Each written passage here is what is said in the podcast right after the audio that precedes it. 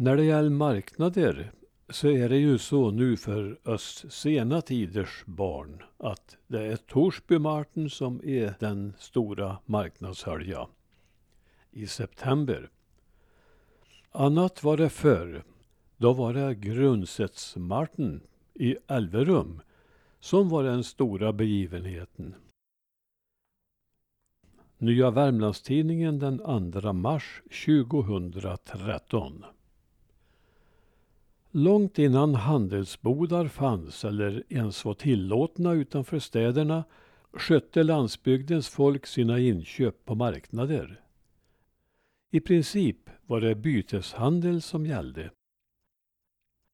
Den viktigaste marknaden för folket i norra Värmland och Västerdalarna var i långa tider Grundsetsmarten i Elverum i Norge som en tid ansågs vara den största landsbygdsmarknaden i Skandinavien.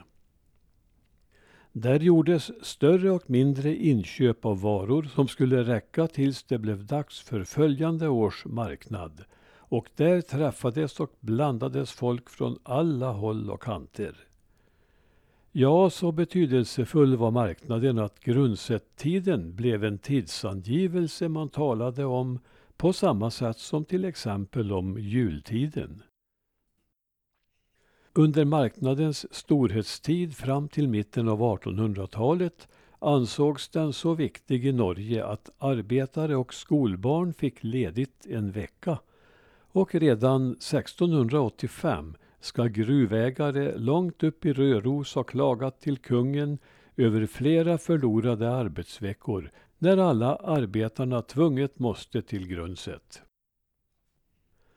Naturligtvis var inte värmlänningar och dalkarlar i majoritet som besökare. Till Elverum skulle folket från hela Hedmarken liksom köpmän från Oslo och Fredrikshald. Här träffades också penningstinna träpatroner för att göra stora affärer. Hit skulle Nordvärmlands flickor innan de fick gifta sig.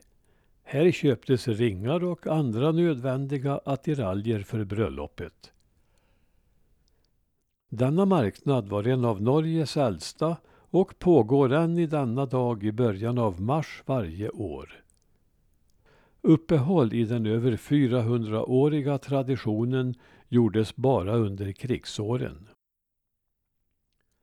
Platsen var idealisk som mötesplats där vägarna möttes från Österdalen och Tröndelag i norr, från Hedmarken och Osloområdet i söder, från Gudbrandsdalen i nordväst, från Trysil och Dalarna i nordost och från Värmland i sydost.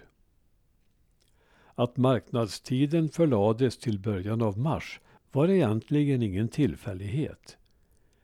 Vintern var den årstid som gällde också för de stora marknaderna i Sverige som Distingen i Uppsala och Samtingen i Strängnäs. Före de allmänna vägarnas tid var det på vinterföret det var lättast att ta sig fram med häst och släde då färden gick både på landbacken och på isarna. På de frusna vatten höll man också gärna till med marknaderna. I Älverum var det förr, åtminstone till en del, på älven Glommas is som marknaden hölls. Där fanns bodar med varor av alla de slag uppställda. I en beskrivning från äldre tid läser vi om hur marknadsbesökarna dämpade hungern. På Grundsets marknad fanns det flera matbodar men den vanliga rätten i dem alla var en soppa som östes direkt från grytan och i den spisandes skål. Om man hittade en spik eller en vante i denna soppa tog man det inte så noga. Slut på citatet. Ja, alla slags varor tillhandahölls på Grundsättsmarten. Från Österdalen kom man med skinn, smör, ost och vilt. Från Hedmarken mjöl och bröd. Från Gudbrandsdalen hästar. Från Möre och Romsdalen torrfisk och salt sill. Från Toten slöjdalster. Från byns egna köpmän kaffe, socker och textilier samt från Värmland järnvaror och från Lima liar.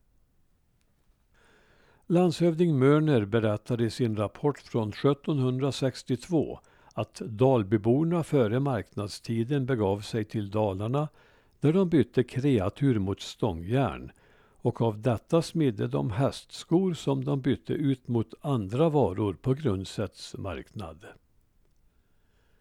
De viktigaste varorna att få med hem tillbaka till norra Värmland var livsmedel som honungskakor, råg och korn, sill och lutfisk men även brännvin. Fårskinnsfällar köptes liksom hästar, en viktig handelsvara. Man kan tryggt säga med Richard Broberg att handeln på Grundsets marknad var livsviktig för nordvärmlänningarna före handelsbodarnas tid i mitten av 1800-talet. Marknaden pågick för en vecka men en resa dit och tillbaka kunde ta betydligt längre tid än så för värmlänningarna. Det berättas att resor på upp till sex veckors tid förekom och resorna var inte ofarliga. Man gick gärna ihop i manstarka följen för att skydda sig mot rövare. För på en sådan resa kunde man lätt råka ut för överfall. För att försvara sina köpta dyrbarheter var man ofta försedd med slagvapen, knölpåkar och blydaggar. Ett annat bekymmer med marknadsresorna var att det ofta rådde yrväder vid denna årstid. Man brukade tala om marknadsväder. Men genom att man hade flera hästforor i sällskap hjälptes man åt att bana väg. Hästarna var ofta försedda med trugor för att inte trampa ner sig i snön och på släpet fanns en stor planklåda att ha varorna i. På en sådan lång resa behövdes förstås en väl tilltagen matsäck liksom foder till hästarna. En marknadsbesökare på 1800-talet har berättat att matsäcken bestod av pannkaka, smör, bröd, ost, korv och sovel. Varianter på detta fanns säkert.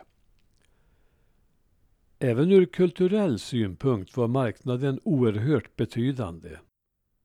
Här möttes folk från stora delar av sydöstra Norge och västra Svealand och delgav varandra av sitt kunnande. Här pågick underhållning hela veckan.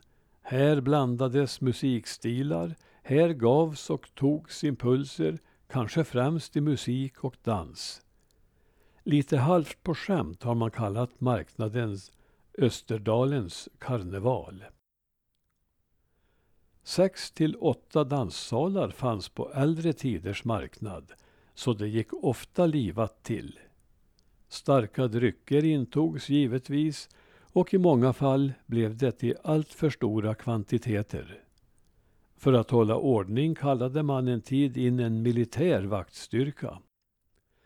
Vaktens uppgift blev mest att bura in dem som druckit för mycket, berättar en källa, men, citat, som både den häktande och den häktade allt som oftast voro lika upplivade av marknadens drycker gick det hela i regel för sig i den största gemytlighet.